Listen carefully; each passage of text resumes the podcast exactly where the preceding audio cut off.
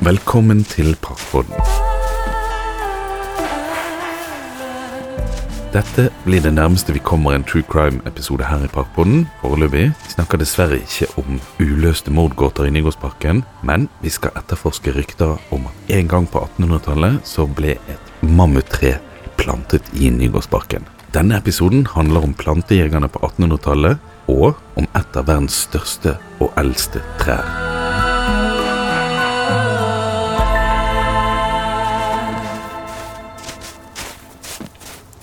Dette mysteriet skal vi prøve å løse, og for å finne ut av det, så må vi først tilbake til en tid hvor ordene botaniker og eventyrer var synonymer.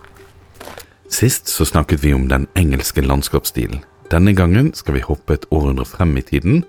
England er fortsatt en viktig del av historien og en foregangsfigur i mye av det som skjer på denne tiden. Og spesielt nå når vi er på vei inn i den viktorianske æraen. De kongelige botaniske hager i Kew er nå midtpunktet i en revolusjon hvor eventyret reiser til de ytterste kantene av det kjente universet, og de setter livet på spill dypt inne i jungelen omringet av farlige dyr og malaria, og på forblåste og ugjestmilde fjelltopper, og det for å finne og bringe hjem nye og eksotiske planter til det europeiske markedet. Men hvem var disse plantejegerne?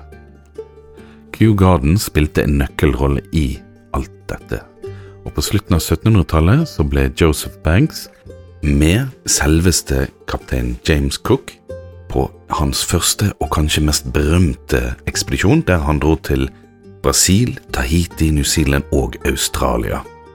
Og Banks han kom tilbake med over 1400 nye plantearter. Han ble da utnevnt til kong George den tredjes personlige rådgiver innen botanikk, eller botaniske ting, eller en slags direktør for Kew Gardens, om du heller vil si det på den måten. Og Banks han begynte å sende botanikere til alle verdens hjørner for å utforske og oppdage nye arter. Rundt 30 000 nye arter ble fraktet hjem til Kew Gardens i denne perioden, men som sagt så var det ikke noe lystkrus for de som ble sendt ut.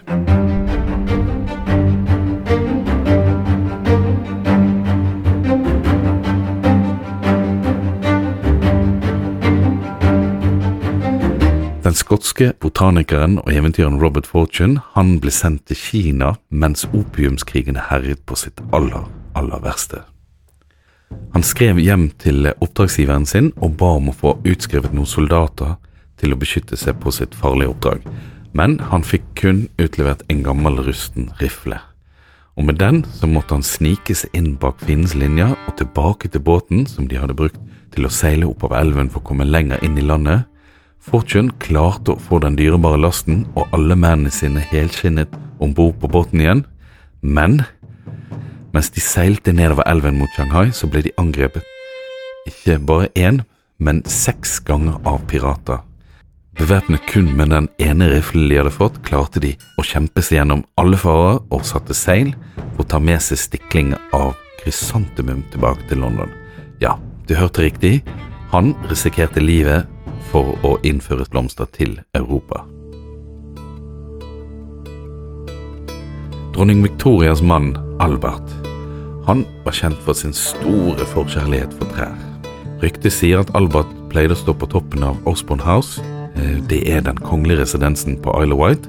Og der sto han og dirigerte en hær gartnere som løp frem og tilbake i hagen med hvite flagg for å markere hvor de skulle plante trær. Victoria hun klaget stadig på at mannen hennes tilbrakte litt for mye tid i skogen med å grave opp og klargjøre disse trærne for transport, og at han virket besatt av det vi i dag kaller for landskapsarkitektur. Og hvert tre har en historie, og Albert var kanskje en av de første i Europa til å plante amerikanske trær. Wellingtonia plantet 24. mai i 1855 på dronning Victorias bursdag var kanskje det første amerikanske treet som ble plantet i Europa. For noen mener at eh, de første amerikanske trærne ble plantet i Skottland allerede i 1853. Og det kan stemme, fordi at uh, denne planten kom da til Europa rundt 1853, eller på slutten av 1852, jeg er ikke helt sikker. Men ett før den tid, altså i 1852, hadde en notorisk plantejeger med navn William Lobb vært på besøk i San Francisco. Der fikk han høre rykter om et monstertre som vokste ved føttene av Sierra-fjellene i California.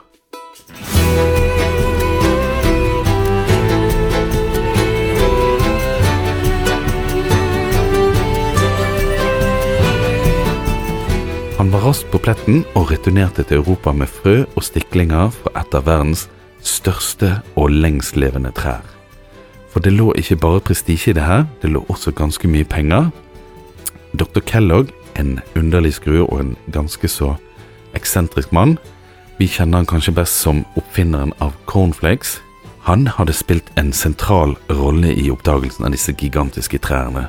Han hadde på sin side foreslått å kalle treet for Washingtonia, og Lobb han var fullt klar over det her. Så derfor, straks etter at han ankom Europa, skyndte han seg å få den nye arten registrert før dr. Kellogg rakk å gjøre det. Han fikk John Lindley, lederen for det engelske hageselskapet, til å registrere det som Wellingtonia gigantea. Det korrekte navnet i dag er Sequoidendron giganteum og tilhører cypress-familien. I Norge har det fått navnet mammuttre. De ligner på og er ganske nær beslektet med redwoods, men mammuttreet er det største treet i verden, og redwood er det høyeste. Redwood er litt slankere, sånn at den totale mengden eh, ved, eller kubikk eller volum, eller hvordan du vil måle det, er større hos mammuttreet. Mammuttreet kan også bli 1000–2000 år eldre enn redwooden. Det vil si at eh, mammuttreet kan bli nesten 4000 år gammel. Det har vært registrert et tre som er, jeg tror de har telt årringene på over 3000, og de fleste botanikere mener at de kan i hvert fall bli 3800 år gammel.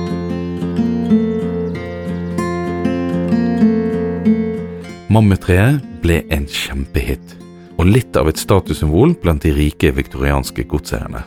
Ikke så ulikt det å ha en Lamborghini eller en Bugatti parkert i oppkjørsel den dag i dag.